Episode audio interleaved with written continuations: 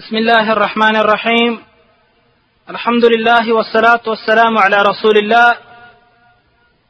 السلام عليكم ورحمة الله وبركاته محترمو د کیسټ عنوان یاد لرئ عقيدة اهل السنه والجماعه د شركون كي وزارة شؤون الاسلامي والاوقاف والدعوه ارشاد لخوانه خبريږي الحمد لله رب العالمين والصلاة والسلام على خاتم النبيين محمد وعلى آله وصحبه أجمعين دا بعض سوالات دي چې مونږه فضیلت الشیخ غلام الله رحمتي باندې چې کوم پیخور کې اوسي او په هغه ځای کې د احادیثو استاد دی په مدرسه دارالقرآن والحدیث السلفیه کې هغې نه دا سوالات مونږ کوو په اتم شوال باندې چوده سو تیئیس د ریاض په ښار کې او هغې د دې سوالونو جوابونه مونږ ته راکوي اول سوال دا دی چې اهل حدیث څوک دي او دوی څه غواړي د دې سوال مفصل جواب هغې به شروع کړي بسم الله الرحمن الرحیم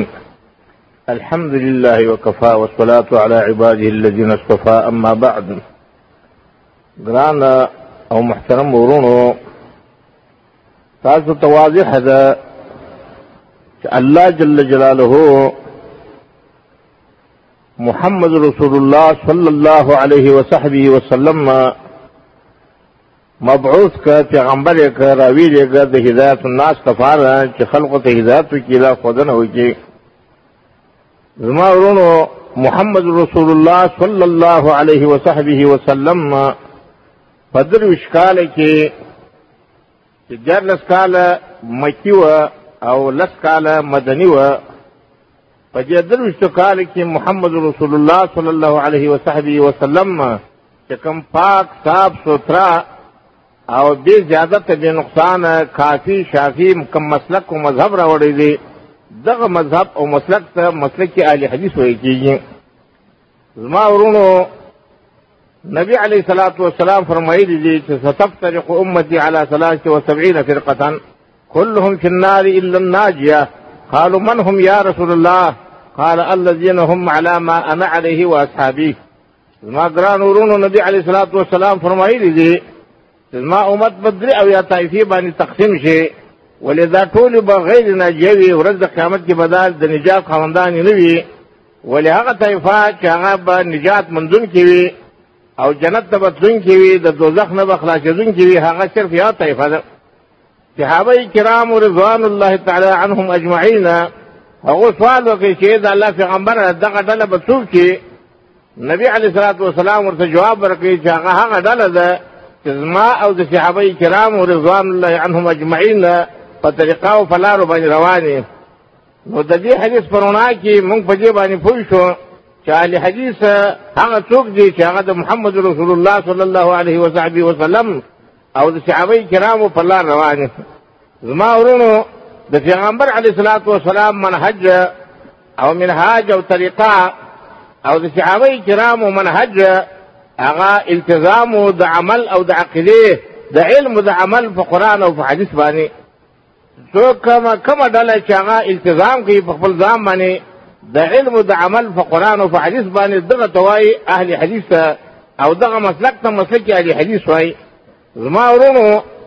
مسلک اهل حدیث څه نوی مسلک نه دی دا هغه مسلک دی چې محمد رسول الله صلی الله علیه وصحبه وسلم په دې مسلک باندې درویشت کاله ژوند تېر کړی دی دا هغه مسلک دی چې دې مسلک باندې ابوبکر صدیق رضی الله عنه دوه کاله حکومت کې او د دې لپاره دعوت کړې ده دغه مسلک لپاره او د دې مسلک نه د دفاع لپاره جهادونه کړې دي او جګړې کړې دي نو هغه دغه مسلک حدیث نه مسلک اهل حدیث نه د دفاع لپاره زما ورونو عمر فاروق رضی الله عنه هغه چې لس کال حکومت کړی و نو د هغه هدف تقویا او تایید د دغه مسلک کې اهل حدیثو چې دا مسلک د محمد رسول الله صلی الله علیه وسلم نه ورته پاتې و دا ډول عثمان رضی الله عنه چې دولس کال حکومت کړی و زما ورونو نو هغه هم د دغه مسلک کې اهل حدیث نه دفاع کوله هلته پکې نور دا ورسته متأخرین مذاهب متأخره مذاهب دا ته نه وه تاسو ټول ته معلومه ده چې نبی علی صلوات و سلام او ابوبکر او عمر عثمان دا ټول دا نه په حنفیت کې و نه مالکیت کې نه شافعیت کې نه حنبلیت کې بلکې دا ټول مسلک مسلک اهل حدیث یعنی عمل په قران او په حدیث باندې کاوه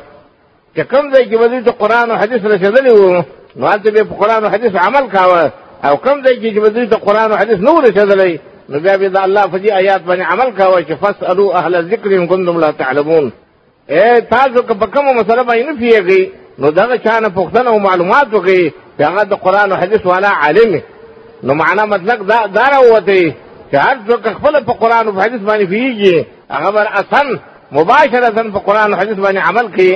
او څوک چې مباشرتا په قران او حدیث باندې نه پیږي هغه به د قران او حدیث والا نه قران او حدیث پوښتنه کوي دا چې برور ته وایي په دې باندې کې ستا رائے څه ده ستا فکر څه دی ستا وینا څه ده ستا مذهب څه شي دی ستا خواهشات څه دي بلکې دا چې ورته وایي چې په دې باندې کې الله او د الله رسول ته ویلي نو دغه مسلک د ما ورونو وایي چې مسلک اهل حدیث ولې ما ورونو په دې باندې پوه شي چې مطلب چې علي حدیث د دې بنا په عقیده او په منهج ده د علي حدیث عقیده هغه د توحید عقیده ده چې توحید په خپل ځان کې هغه په درې قسمه دی اول توحید دی ربوبیت دی او دوم توحید دی په الوهیت دی او دریم توحید دی په الاسماء والصفات دی زما ورونو تاسو ټول ته معلومه ده لکه څنګه چې الله جل جلاله سورې زاریات کې فرمایي وما خلق الجن والانس الا ليعبدون وای ما نه دي پیدا کړی پیریان او انسانان مګر هم صرف د دې لپاره چې دوی زما عبادت وکړي نو دلته درې مسلې په دې آیات کې واضح شوې انګوش نما شوې ښکاره شوې هغه دا چې دا ټول انسانان او پیریان دا د الله مخلوق دي دویمه مسله دا راووته چې د دیو د خلق نه حکمت او مصلحت او فائدہ څه الله د څه لپاره پیدا کړی دی نو موږ ته دا نتیجه په لاس راغله چې الله جل جلاله انسانانو پیران دا د یو اسماء او اعلا او ارفع مقصد لپاره پیدا کړی دی چې هغه اعلا او ارفع مقصد هغه د الله جل جلاله بندگی ده نو د بندګۍ د الله د فاره لکه تاسو ټول ته معلومه ده چې الله جل جلاله دا ټول جهان که اسمانونه دي که ځمکې که غرونه که دریابونه او که حیوانات دي که نباتات دي که جمادات دي الله جل جلاله دا ټول شیان د انسان د منفعت لپاره پیدا کړي دي لکه څنګه چې الله جل جلاله فرمایي هو الذي خلق لكم ما في الارض جميعا الله هغه ذات دی چې تاسو د منفعت لپاره تاسو د مصلحت لپاره ټول هغه څه چې ځمکه ده او په ځمکه باندې ګرځي دا ټول الله تاسو د انسانانو او د پیریانو د منفعت لپاره پیدا کړی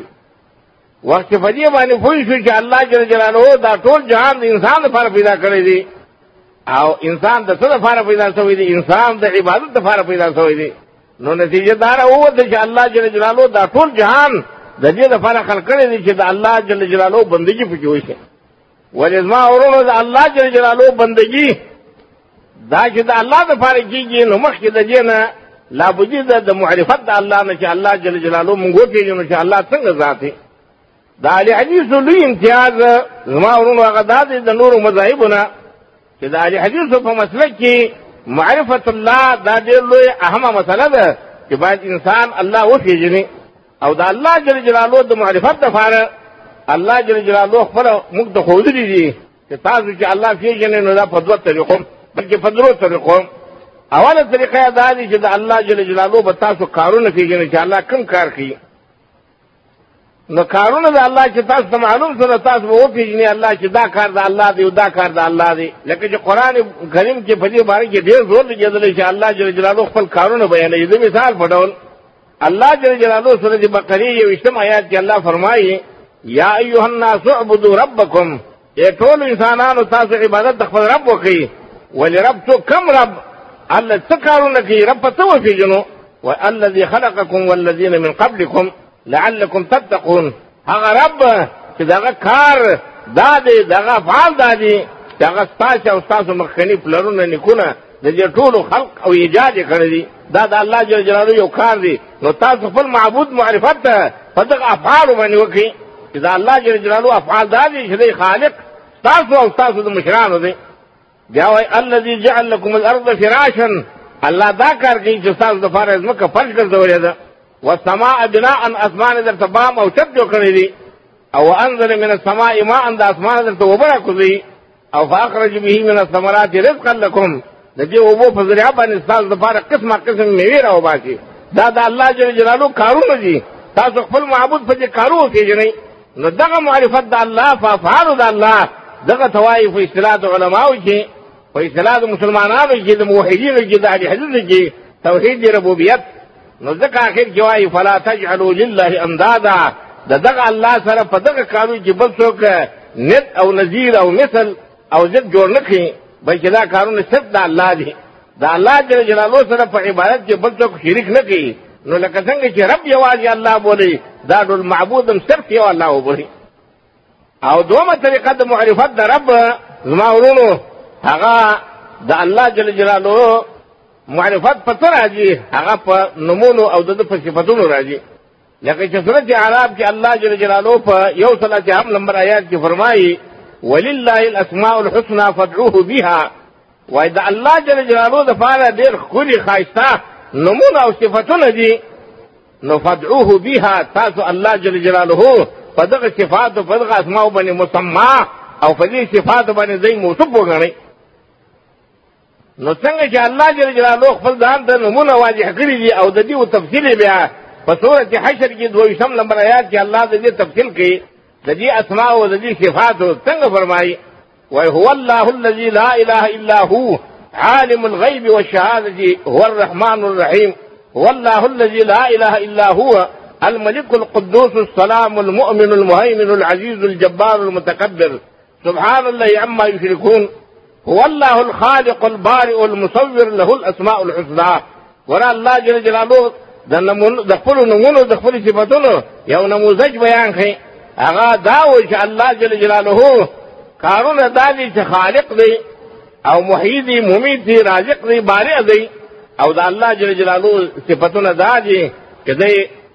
قدوس دی او مؤمن دی مهیمن دی عزیز دی جبار دی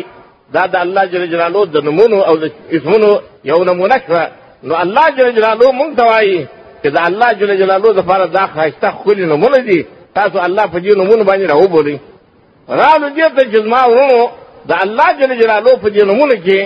په دې کې دوه شرط دي هغه یو شرط دا دی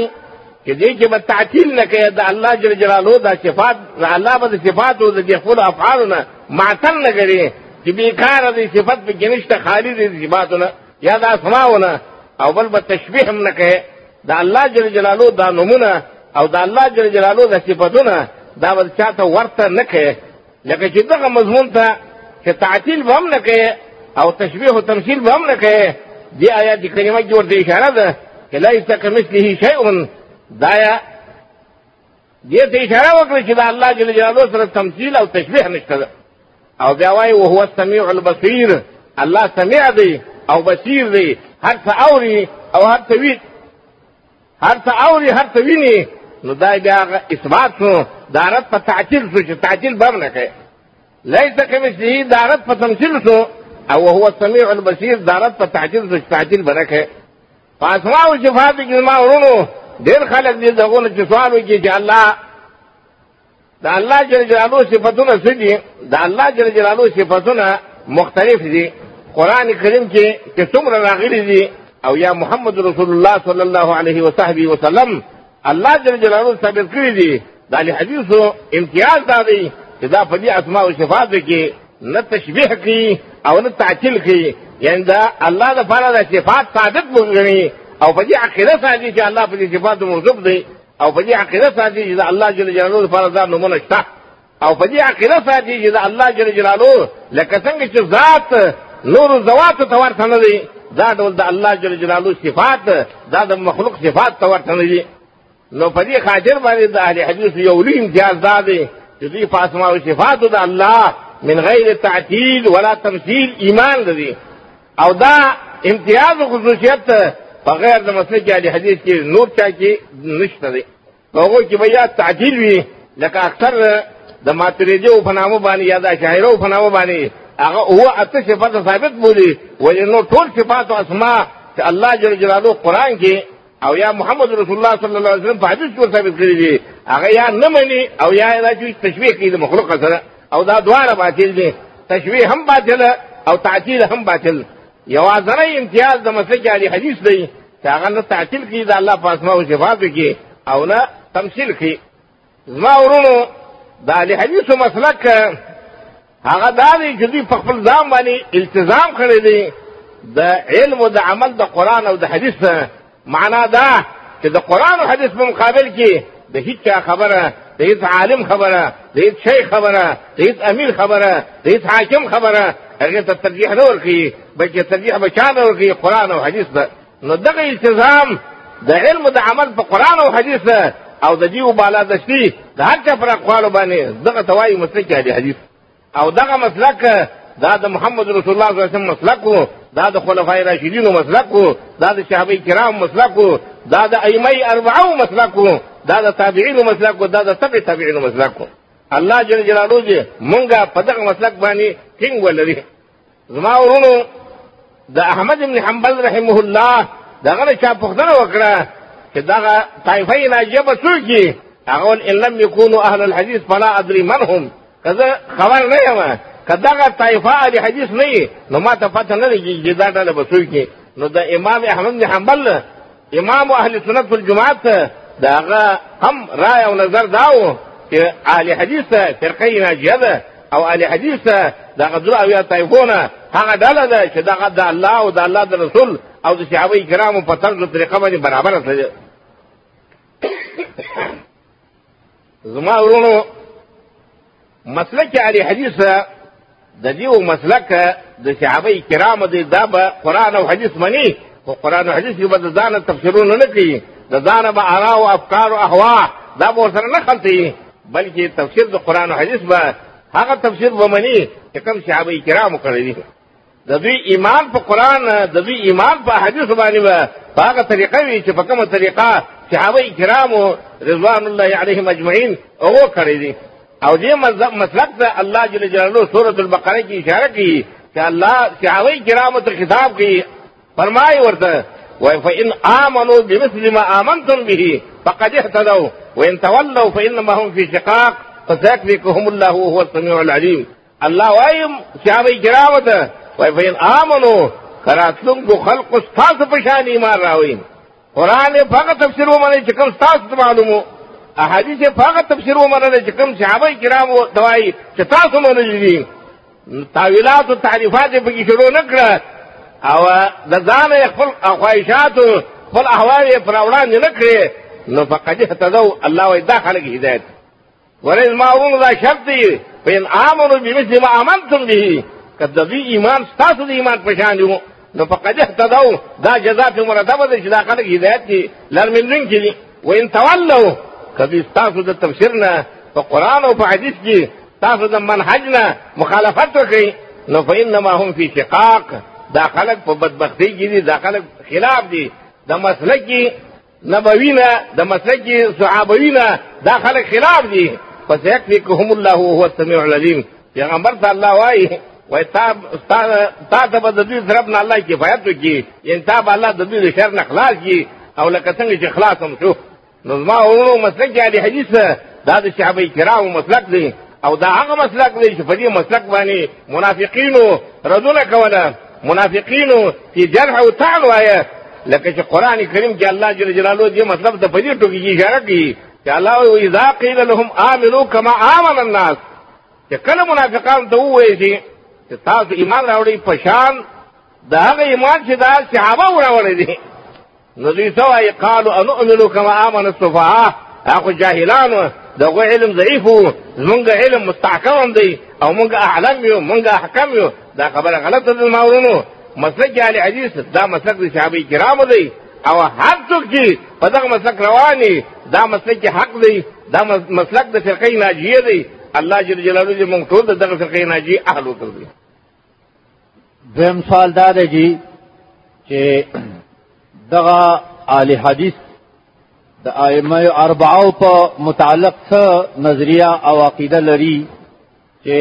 د دې د دې دی من خلق دا الزام لګی چې دی ائمه او ته کنزل کوي یا ائمه په شان کې دی بیا ادبی کوي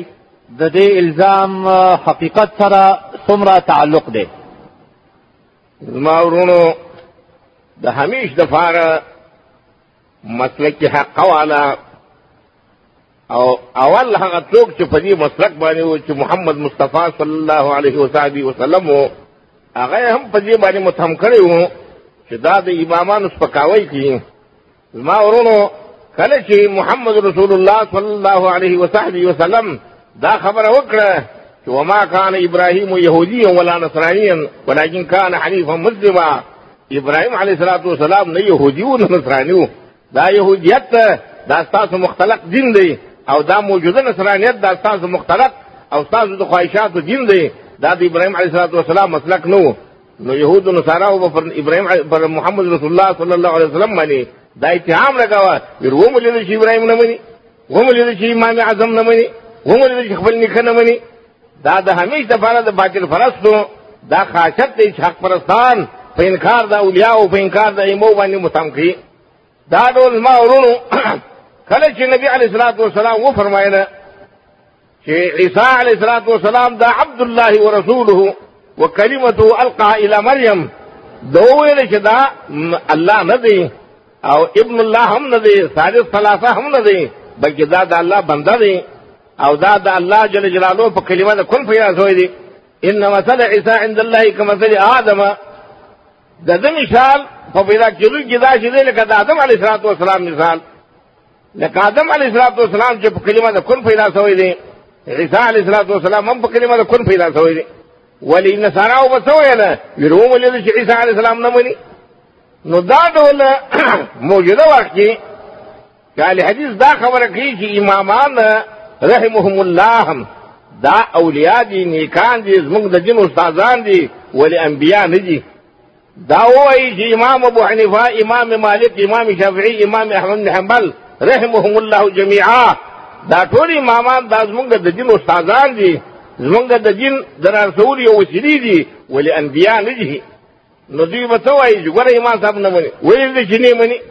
او هذا زما ورونو چې د اهل حدیثو مسلک دا دی چې دا څلور سره امامان دا خپله د دې مسلک مسلک د اهل حدیث دی او دا ثابت ده مونږ ثابت وو چې دا امامان اهل حدیث و د مثال په ډول په امامانو کې مشر امام امام ابو حنیفه رحم الله دی امام ابو حنیفه رحم الله فل غالي خلا چې کړی دی دا جدا دی چې حنفیانو د ځان مېره تر مور مېنه جوړ کړی ده یعنی امام ابو حنیفه خپل غار خلاص کړی ده مسله واضح کړی ده فرمایلی دی وای حرام علی من لم يعرف دلیلی ان یفتی بکلامی حرام ده پر هغه چا باندې چې زما د قول دلیل ور معلوم نه شي یا یاد دی حدیث نو هغه باندې دا حرام ده چې زما په قول فتوا ورکړي یا وایي که تاسو ته زما قول ورسېدی نو فاعرضوه على کتاب الله وسنة رسوله زما خبره په کتاب الله او سنت رسول باندې عرض کړئ که موافق سو نو په خذوه او که مخالف سو فطرحوه على الجدار ويبقى بديوار ولي نو د امام ابو حنیفه رحمه الله مسلک هم مسلک علی حدیث دی د دې وجنه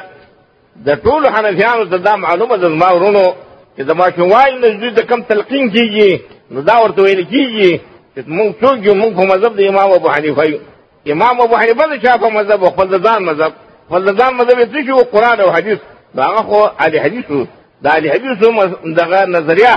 او رایه د امو په واره کې دا ده چې هغه څه اهل حدیث دي هغه د حنفیانو نه کوس را ژوند دي نو دا حنفیان د مقلدین به ورته وایي چې دا الاهل بلا وهابیان دي ځکه هغه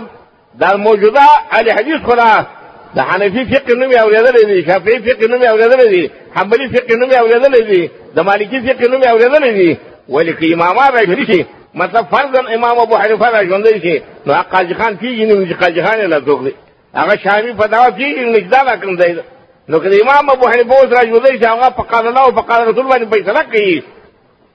نو دا خلک به ورته څه وایي چې ومولیدل چې دا خو ابي شوی دی اوس قرآن او حدیث ته منډې وایي او په فتاوا باندې مع دغه نه کوي لکه څنګه چې د موضوع موجوده خلکو نظر دا دی چې د هرې مسلې پوښتنه ځینې وایي چې د حلال او حرام پوښتنه وایي چې جایز او ناجایز پوښتنه وایي چې د عقیدې په باره کې پوښتنه کوي د اخلاقو په باره کې پوښتنه کوي د اعمالو په باره کې پوښتنه کوي نو دوی فورا هغه کتابو ته حواله ورکړي چې دا غو منشا قران او حدیث کې شته نه بلکې هغه ټول مختلقات دي فرضیات دي فرضي دي وقوع نه لري ګرځره دا کتابو ته حواله ورکړي قران او حدیث ته حواله نه ورکړي او دا وایي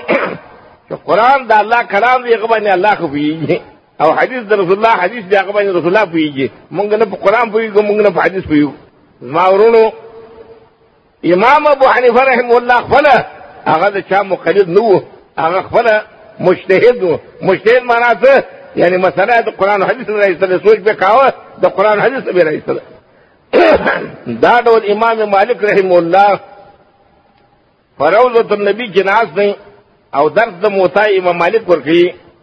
او بیا څه وایي وایي کل احد یؤخذ من قوله ویرد الا صاحب هذه الروضه وایي د هر چا خبرې کې ښې هم شته بد هم شته ښه به اخلي بد به رضې الا صاحب هذه الروضه یو دا روضې والا دی دغه په خبرې کې بد نشته ټول یې ښي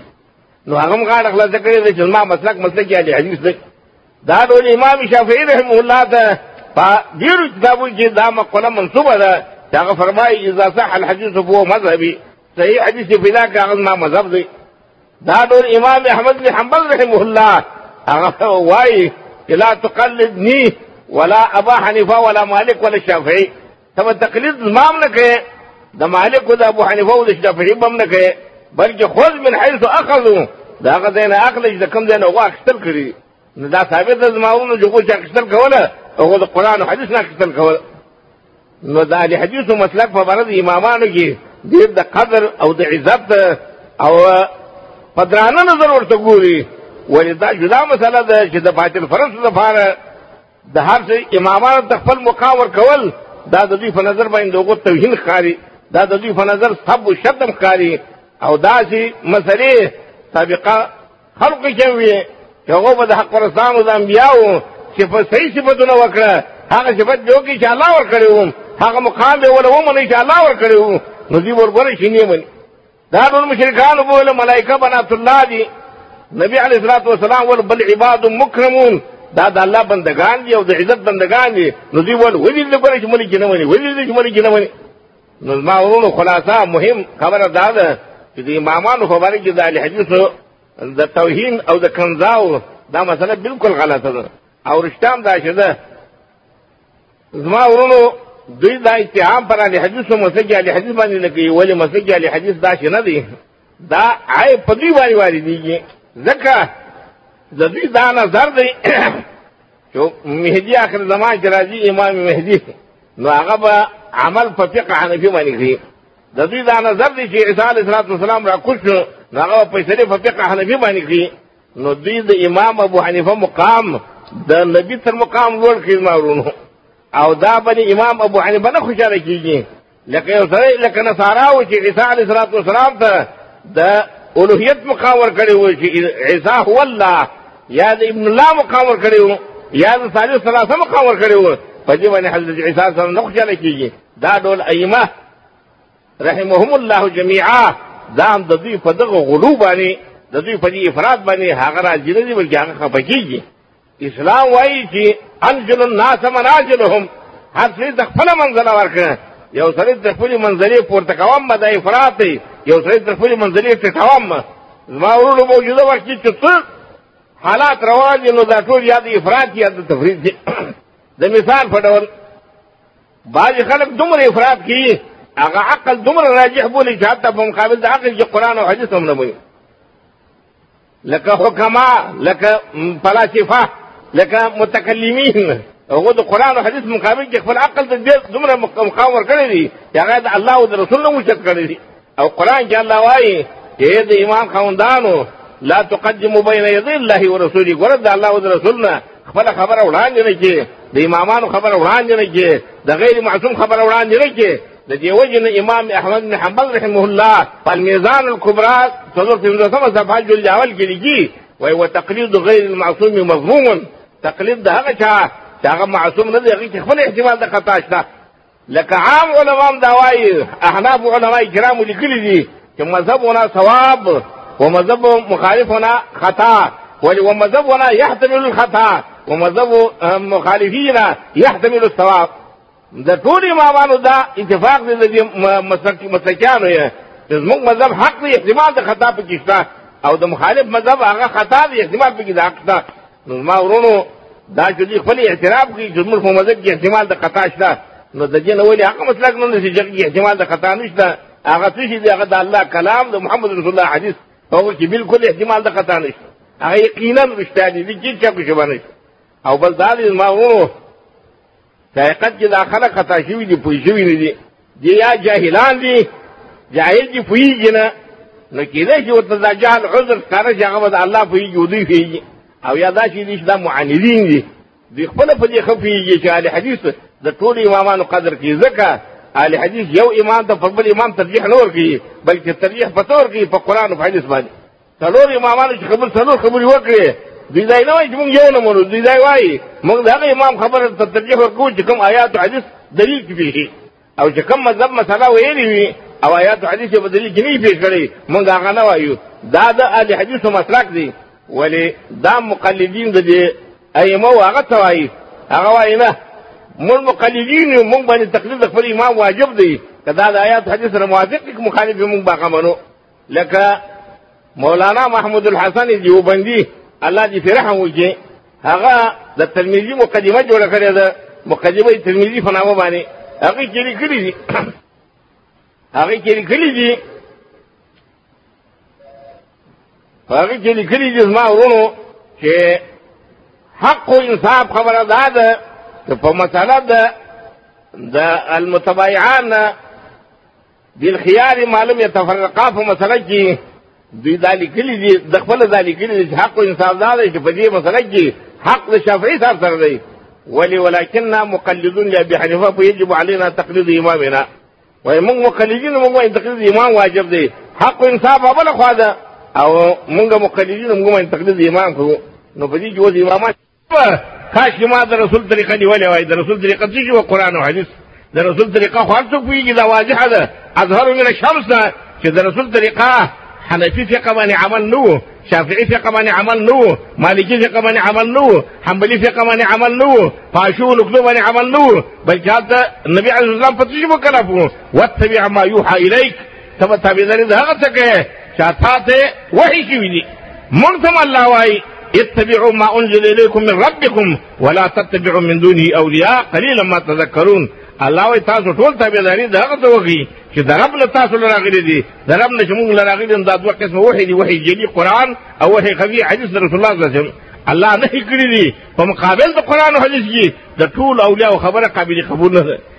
کدا ټول انبیا یو طرف اولیاء یو طرف ته شي ولی محمد رسول الله بل طرف ته شي موږ ته رسول الله خبره قابل قبول وي کدا ټول امامان ومني محمد رسول الله ونه مني غټ کاشري او که رسول الله ومني ځنو امامان به خفیږي نه هم مسلمانې د دې وجه نه زما ورونو چې څوک د دې مذاهب اربعو نه ډېر لري دي هغه ته الله ډېر بهتري ورکړي ده حدیث دی د محمد رسول الله صلی الله علیه وسلم نه چې هغه فرمایي خیر القرون قرني ثم الذين يلونهم ثم الذين يلونهم ګوره وایي د طویله پیړۍ هغه زما پیړۍ ده او د رسول الله په پیړۍ کې د ایمو نوم هم نه و د تولد شوي هم نه و د دې پیدایښت هم نه و او بیا دغه نه راوړسو د تابعینو ده د تابعینو ده د صحابو پیړی دی بیا د تابعین پیړی دی او بیا د تبع تابعین پیړی دی ولې چې څومره دې خواته راځي کېږي نو هغه خیرات یې کمیږي چې څومره لري کېږي دې امامانو نه هغه کې خیرات زیاتېږي د دې نه معلومه شوه چې د هدایت رکن تقلید د امامو نه دی بلکې د هدایت ذریعه او سبب هغه تمسک به کتاب الله او سنت رسول دی د دې وجه نه کتب الاحادیث دا په خپل کتابو کې مستقل باب راوړي باب الاعتصام بالکتاب والسنه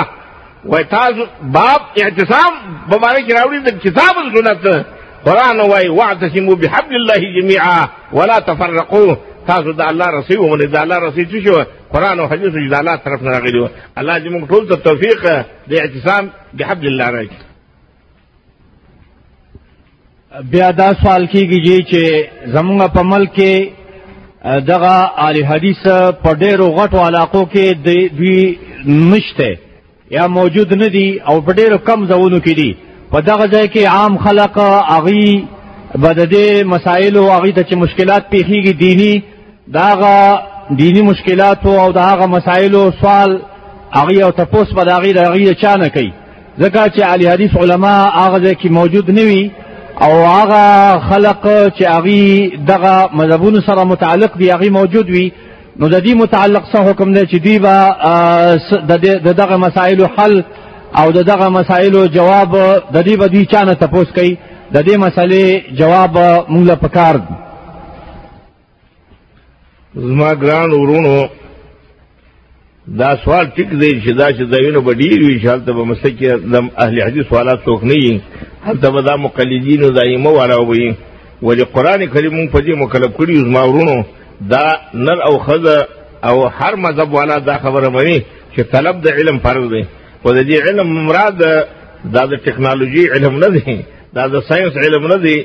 دا دا دکتوري علم نه دی د پروفیسوري علم نه دی بلکې هغه علم چې فرض دی هغه علم دین دی د دین د علم ذکر پر مسلمان باندې فرض ده و دا چې سړی امیر یا ته مولا نشته د چې د مولا نه پوښتنه کوي نو طریقه بیا دا وي قران وايي فضلوا على ذکر ان کنتم لا تعلمون که تاسو نه پوهیږئ سوال د علم علاوه وکړئ نو په هغه ځای کې چې څو اهل حدیث مسلک والا تا ته نه ښکاري هلته د مقلد مولا نه پوښتنه وکړو خو داسې مور ته وایې چې په دې باندې کې ستاره یې څه ده چې ورته وایي چې په دې باندې کې الله او رسول ته وایي نو کاغه تا ته صحیح فتوا درکړې و نو ستاب هم غاړي خلاصي دغه هم غاړي خلاصي کاغه ته غلط درکړې و ستاب غاړي خلاصي ګناه علامن افتاوي هغه چا چې تعالی فتوا غلط درکړې ګناه به دغه وي ستاب غاړي خلاصي او دا چې اهل حدیث والا پاره دې کې نه پیدا کیږي چې کوم چې اهل حدیث والا نه پیدا کیږي وتابني علم فرض هر مسلمان باندې فرض نو تابنم دا فرض چې قران او حدیث عربي علم زکه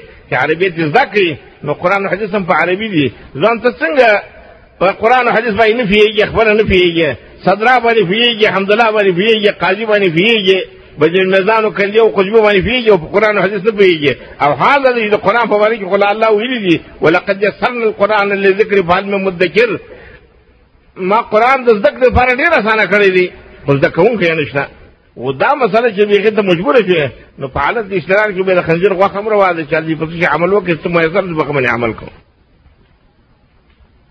بیا دا سوال دی چې یو مذهب پسې کېدل او هغه ضروری او فرض ګڼل او د هغې تابعداري فرض ګڼل داغه په هر مسلې کې د اغي حکم منل لازم ګڼل د دارنګي د اغي نه وتله یا د کتاب او سنت پسیتله یا د اهل حدیث عالم خبره منل پاغي باندې اعتراض کول د دې متعلق تاسو څه بیانوي المغرونو الله جل جلاله مسلمانان انسانان ټول په دې مکلف کړی دي چې دوی به د قران او د حدیث تابعداري کوي او التزام د مذهب معین په دا شام باندې چې دا قران کړی وي چې دغه مذهب نه که حق دی که باطل دی زبم دامنم او دا مذهب که دلیل لري که نه لري زه به همدا منم نو دې ته التزام د مذهبي معین وایي خو په اړه د التزام د مذهبي معین کې ټول علما حتی حنفي علما علامه ابن عبیدین شامی هغه هم په خپل کتاب کې لیکلي دي چې التزام مذهب معین تشریع من غیر امر شریعه دا په دریم جلد کې په دغه مسله کې چې هلته د مختار والا لیکلي دي که یو سړی د یو مذهب نه بل مذهب ته واوښتی وایي عذر که د امام د مذهب نه واوښتی بل مذهب ته وایي تعجیل دې ورکړی شي شامي ملا دلته لیکلي دي چې نه التزام د مذهب معین دا تشریع من غیر امر شارعه او دا ټول یو حنفي مذهب نه بلکې ټول امامان په دې قایل دي چې التزام د مذهب معین دا په شریعت کې نشته او بل دا دې ماورونو چې التزام معنا د فرضونو د فرضان جو لازم کړی دی فرض کړی دی نو دا فرض فرض دی دا یو حکم شرعي دی د حکم شرعي د فار نقل د شارع نه غواړي او شارع الله دی مبین رسول الله صلی الله علیه وسلم دی چې الله او رسول دی او مذهب په باره کې التزام موږ ته توصیه نه کړي نو دا توصیه دا مخالفت الله او رسول نه دی او دا تقدیم دی په مقابل د الله او د رسول کې او د دې تقدیم نه الله مونږ منع کړی یو مونږ به دا التزام نه کوو دا التزام په مسلمان باندې نشته دی دا التزام عینا تشریع من غیر امر شارع ده دا بعض خلق هغوی د تبلیغ یو جماعت ته پاغه پسې زی او علی حدیث صدا وای چې تاسو تبلیغ نه منئ دا علی حدیث د څه تبلیغ منی او کم تبلیغ نه منی څه تبلیغ د فضائل اعمال یا د تبلیغی نصاب یا د مولی محمد زکریا د هغه د خبرو تبلیغ او هغه پارټي ته خلق بلل یا هغه سره ملاول دا لازم دی یا تبلیغ د قران او حدیث ته تبلیغ وای د قران او د حدیث تبلیغ لازم دی او د اسلام تبلیغ لازم دی یا یو ګروپ سره یو پارټي سره د هغه پارټي اصطلاحات سره د هغه پارټي منشور او د هغه پارټي اصول سره د هغه ته بلل او هغه سره خلق ملاول دا لازم دی د دې متعلق تاسو مفصل خبره وکړئ ځکه چې ډېر خلک دا وایي چې دا تبلیغ تاسو نه منئ او تبلیغ منل لازم دي دا کم دین اکثر تبلیغ مراد دی کم تبلیغ دا مقصد دی زما ورونو دا مسله چې ته تبلیغ نه منئ تبلیغ خو نبی علیه الصلاۃ والسلام مونږ ته امر کړی دی الله رسول ته امر کړی ويا أيها الرسول بلغ ما أنزل إليك من ربك فإن لم تفعل فما بلغت رسالته والله يعصمك من الناس الله محمد رسول الله په دې مکلف کړی و چې باید تبلیغي شي مبلغ شي ولې تبلیغ به د څه شي کوي دا چې نه د بزرګانو د قصو به کوي وای بلغ ما انزل الیک من ربک ورسو خلق ته هغه وحی چې تا ته د رب د طرف نه راغلی هغه وحی ورسو دا چې نور دوی چې د بزرګانو قصې کوه دا غلا په مذهب کې یو بل مستحدث بل مذهب پیدا شو موږ هغه سر مذهب هغه حنفیت هغه التزام ناروا دی د مالکیت التزام ناروا دی شافعیت التزام ناروا دی د حنبلیت التزام ناروا دی نو دا چې لا پکې د ګریا التزام پکې راوړل دا خو مذهب کې بل مذهب پیدا شو دا دغه بچی دا ټول دغه سره مردود دی اسلام چې د دې التزام نشته په دین کې او دا چې دوی وایي چې موږ د تبلیغ منو تبلیغ خو دوی نه کوي ځکه دوی خو لارې صرف چې باطې کوي پاچو باطې کې اوله خبره دا کوي چې د الله نه د کولو عقیده د مخلوق نه د نه کولو نو دا د جبري او مذهب د زما ورونو قرآن ټول په دې دوه طایفو رد کوي یو جبري وبالي او بل قدري وبالي د جبریو مذهب دا دی چې بنده مجبور دی هیڅ شي نشي کولی ټول کارونه الله کوي او د قدریو مذهب دا دی چې بنده قادر مطلق دی الله جل جلاله اول صورت کې سورې فاتحه کې په جدوالو فريقو باندې رد کړي دا چې وایي چې ایاک نعبدو یا الله خاص تا سره مونږ عبادت کوو نو معنا دا چې بنده مجبور نه دی عبادت کولای شي او دا چې ته هر کار الله کې یعنې عبادت هم الله کې دا خو د کفر خبره ده خدای دې کور سات کړه لمونځ الله کې روژه الله نه چې زکات الله ورکړي حج الله کې رکوع الله کې سجده الله کې تعدا الله کې دا ډېر غلط فکر دی دا دوی پوهېږي نه په لاشعوري کې په غلطه باندې روان دي د جبرې او مذهب یې نیولی دی او دا چې بیا وروسته وایي وایاک نستعین نو دا بیا په قدریو باندې را دی چې هغوی بنده قادر مطلق دی نو دوی وایي نه د بنده صرف کسب قدر کولای شي نور دی خلق ایجاد ابداع او دا کار نشي کولای نو مطلب مې دا اوس ماورونو چې د موجوده وخت کې تبلیغیانو دا تنظیم کې دی چې غیر د جنه چې دعوت و جبر ته دی مجبوریت ته دی انسان مجبوری محض بولی او ټولې پړه چې دنو دا په الله شي ځکه د هر څه د کېدو عقیده په الله ساته د مخلوق نه دنه کېدو او بل دا طریقه د ما ورونو چې په دې کې دا چې اصول او قواعد دی وضع کړی دي چې دا ټول د اسلام نه خلاف دي د هغو د جملې نه دا چې خامخا به شي به جمعې نه ځي خامخا به شي به جمعې بله جمعه به شپه به نه د جمعې شپېره به ځي دا بدعت دا چې بیا چې جمعه دلاړې بیا به روزه ورکې دا بدعت ته فزین کې بیا چې روزه نه ورسته چې لا ورکې دا بدعت ته فزین کې بیا چې روزه نه بیا ورسته چې کار ورکې دا ټول بدعت دي زما ورونو تبلیغانو کې دا چې خلک شته دي چې ټول عمر تبلیغ نه ورکړي او دا ټول عمر تبلیغ معنا دا څه چې دا په ټول عمر کې خپل کړي سلام نه شي هغه چې نبی عليه الصلاه والسلام ورته ویل ان لنفسك عليك حق ولعينك عليك حق ولأهلك ولزوجك عليك حق ولضيفك عليك حق دا ټول حقوق په پیمانه کړی دي دا خلاف سنت دي خلاف د دین هغه دین دي چې رسول الله صلی الله علیه وسلم راوړو نبی علیه الصلاۃ والسلام ته خبر ورکړل شو چې عبد الله ابن عمر ابن عاص رضی الله عنه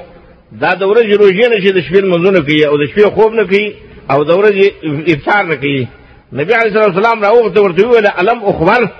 انک تقوم الليل وتصوم النهار ما ته خبر نه دی راکړل شوی چې د شپې قیامه کوي د ورځې لمونځونه کوي هغه ورته وویل کما بلغه که یا رسول الله لکه څنګه چې رسېدلی هم دا چې ده هغه دا کار مه کوه تا د خځې د حق دی تا د غو حق په مال کړی نو هغه ګوره یو شپه باندې د سهار لمونځونه کول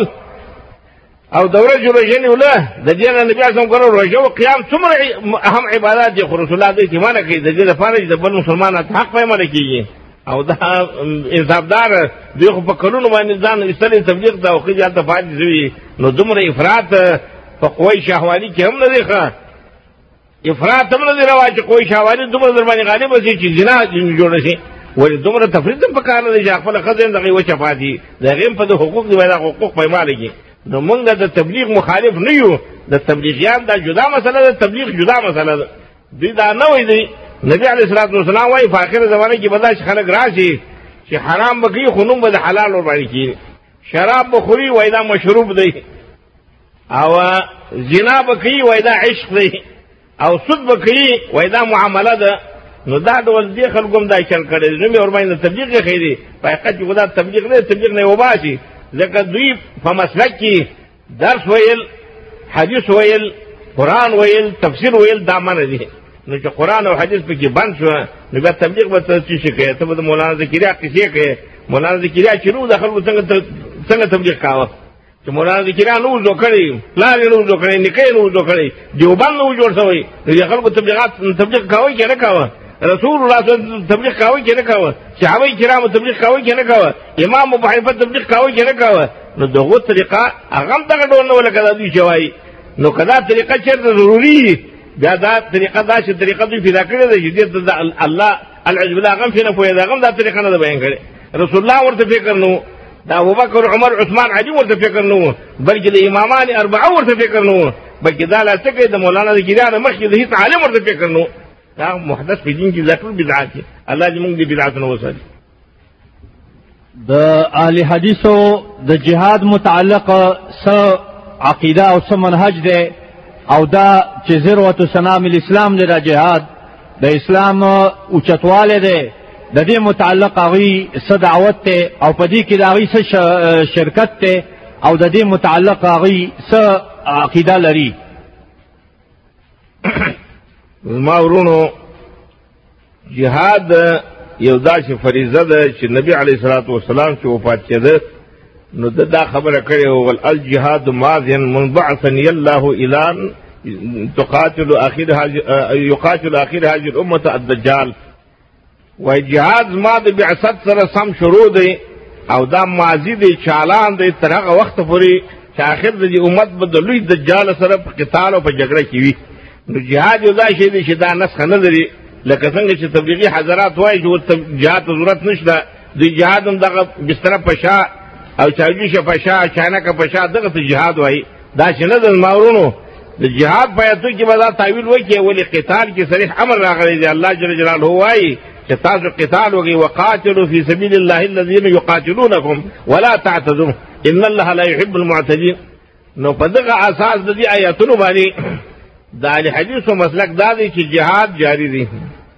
جهاد د هر دا ذروت السلام د دین د دین کوپان کې وچتیږي او د دین اعلان چې راځي نو دا په جهاد راځي جهاد نسخه نه لري دا منسوخ کیږي نه البته د شرایطو په اختلاف به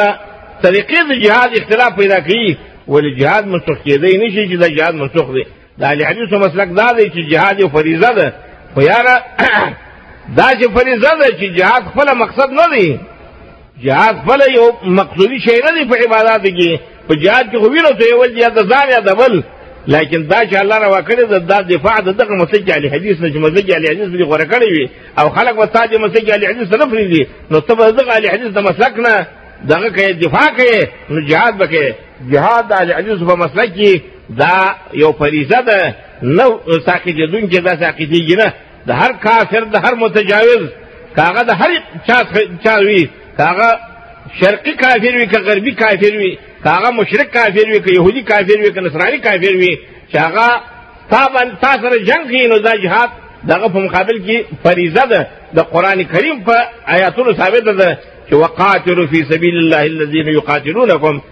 تاسو به جنگيږي د الله په لار کې د هغه چا سره چې تاسو سره جنگيږي تاسو د دین مانع لیږي تاسو د دین نه منحرف کیږي او تاسو دین ورکول غواړي او دا قانون دی رشتہ دا د الله سره ده الله جل جلاله پیږي والله يعلم وانتم لا تعلمون الله پیږي موږ نه پیږو الله فرمایلی دی ولا یزالون یقاتلونکم حتى يردكم عن دينكم ان استطاعوا د همیش لپاره په کفار تاسو سره مقاتله کې اخته په جګړه کې وخت دی تاسو د قتل ارادي وکړي د څه لپاره حتی يردکم عن دینکم د دې لپاره چې تاسو د دین نه واړی ان استطاعو کړو دوی وس ورسېد ولې دا چې نه ده که دا ټول دنیا تبلیغ ته لاړ شي بسترې په شا کې جهاد پرېږدي نبي علیه الصلاة والسلام بیان دی او صدق الله وصدق رسوله الله مرشدا وای رسول مرشدا وای هغه فرمایي چې لا تزال طائفه من امتي ظاهرين على الحق يقاتلون في سبيل الله او روایت کې راځي همیش د بار یو ټولګي موجود وي هغه به د الله په لار کې قتال کوي منصورین او هغه د الله نصرت کوي الله به دغه امداد کوي او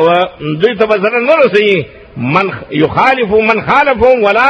من يخذلهم هغه څوک چې دوی سره خلاف کوي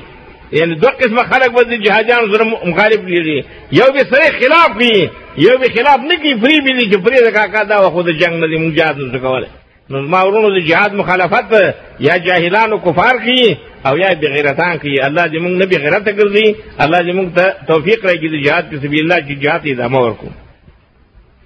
د مز د فرضي مز په اسلام کې څه حیثیت او څه درجه ده او خلقو چې دینه ډېر روګردانی کوي باز خلق او د دې اهمیت او درجه غي ته نه معلومه دا غدي متعلق تاسو سوای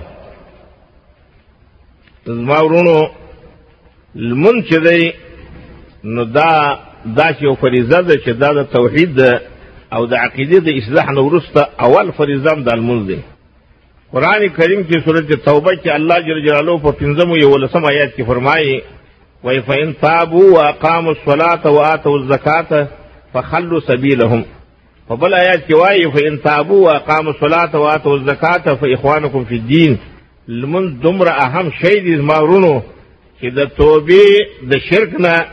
ورسته هم انسان مباح دم کېدی شي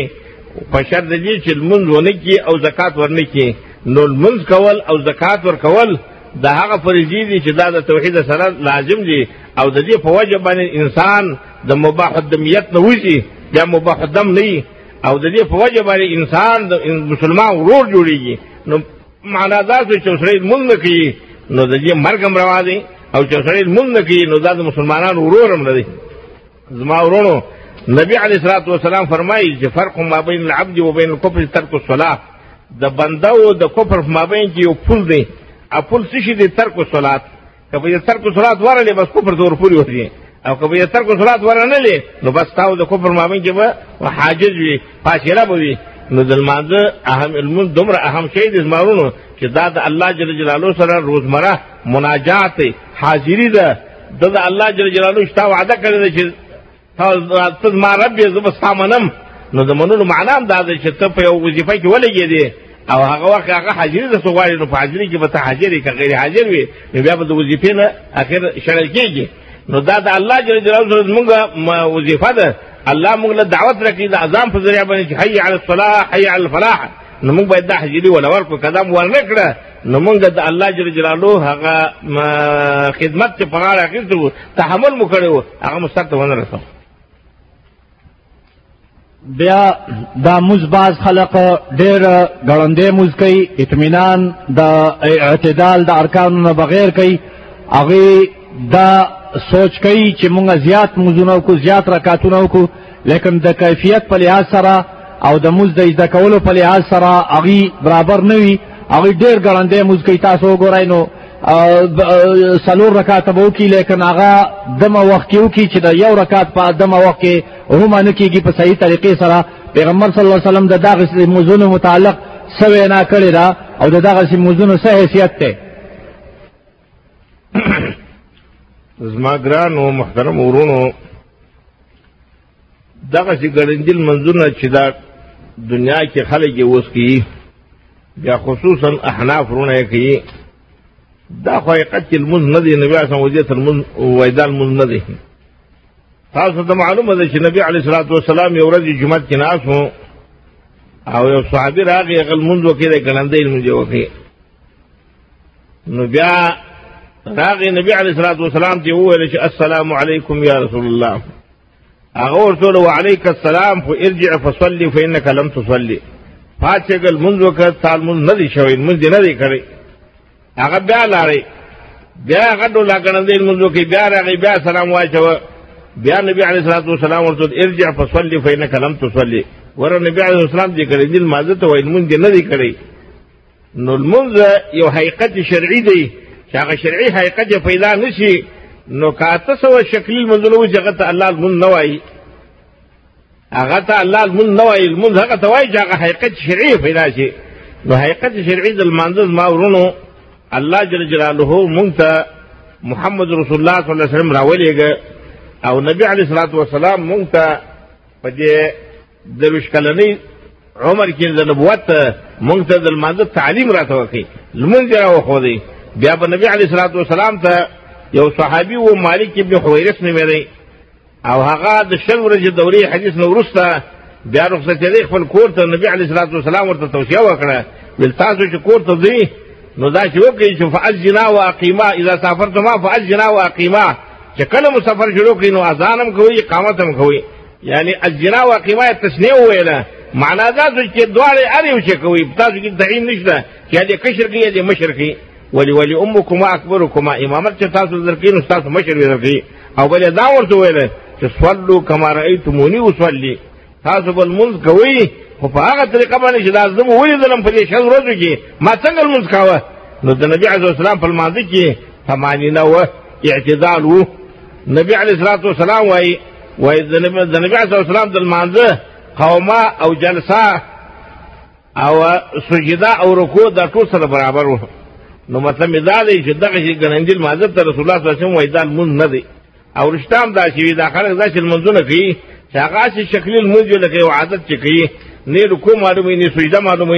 د رکو نه سر نه پورته کوي د سجدې مابین کې ماجبات جاری کوي نو دغه طریقه غیر اسلامي ده دا هغه لمونځ چې الله ویلي رسول کړی هغه نه دی قرآن کې موږ ته الله بار بار وایي واقیمو الصلاه ان الصلاه دا صلات صلات چې چېرته ذکر کېږي دا معرفه په لام سره وي معرفه په لام دا معنا چې دا چې لمونځ به کوې چې هغه الله ویلي رسول کړی ما هغه لمونځ به کوې نو که الله نه ویل هغه لمونځ کویم بیا ځای دی مثلا پنځه لمونځ نه شپږ لمونځ پیدا کړی قضا عمرې دې پیدا کړی بل لمونځ پیدا کړی دا هم دې جنې لمونځ دی او که د رسول الله صلی الله علیه وسلم په طریقه نه وي نو دا هم لمونځ نه دی نو موږ ته پر دا لازمه ده چې موږ به د الله امر کړی موږ او رسول کړی موږ پاک کیفیت پاک طریقه بل موږ کوو هغه ډول نه نو دالمو قابل قبول نه دی بعض دواګانې چې دغه د رکو نه رسو دي او د سیدو په مز کې دي هغه کمې دواګانې دي چې هغه وکړل شي چې د موزه چې موږ ته اطمینان او اعتدال حاصل شي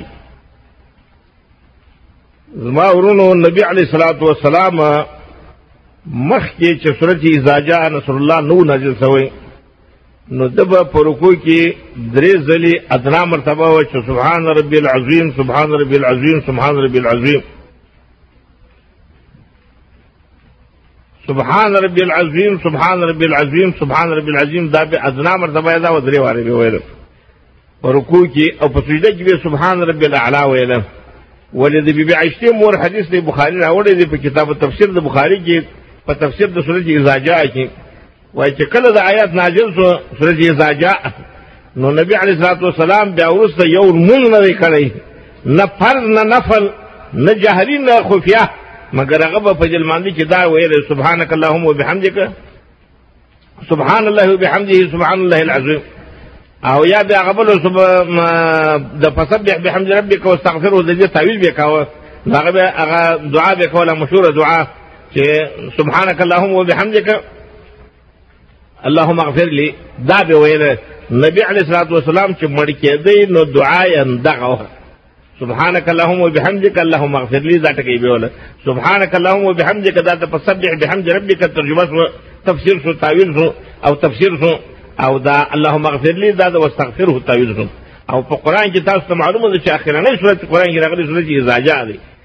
نو دا ضرور ده چې پر کوی کې به دا وایې او کاغه نور سره وایې هم پروا نه لري هغه هم جایز دي خو به اخیرنی دعا د رسول الله دا هم او دا چې د رکوع نه پورته شي سمع الله من حمده نو ربنا ولك الحمد حمدا كثيرا طيبا مباركا فيه دا باندې بیا سم پرې کې نه ده دا ټول د سجدو مابین کې اللهم اغفر لي وارحمني واهدني وعافني واجبرني وارزقني دا بیا سم پرې کې نه ده نو د دې اساس باندې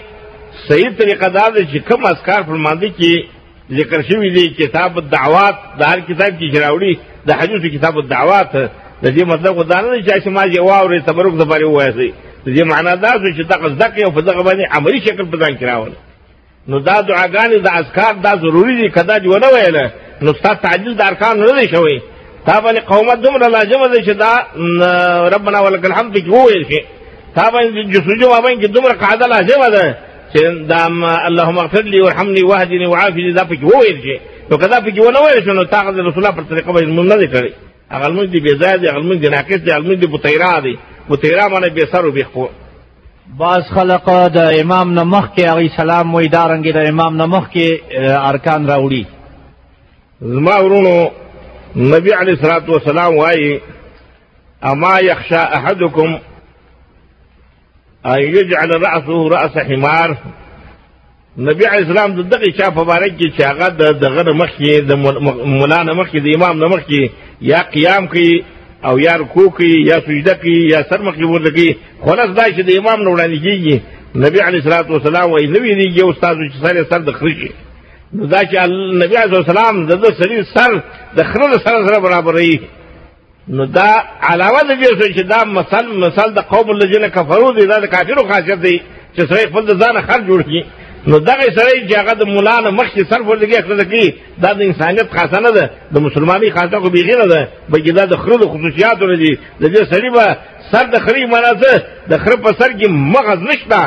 مخ نشته نو د دې سړي په سر کې مخ او عقل دا شی پکې نشته دا د کم عقلي د د حماقت علامه ده پکار دا د نبی علیه السلام وایي اذا کبر الامام فکبروا فی پر تعقیب ده یعنی اول به مولا تکبیر وایي بیا ورسته تکبیر وایي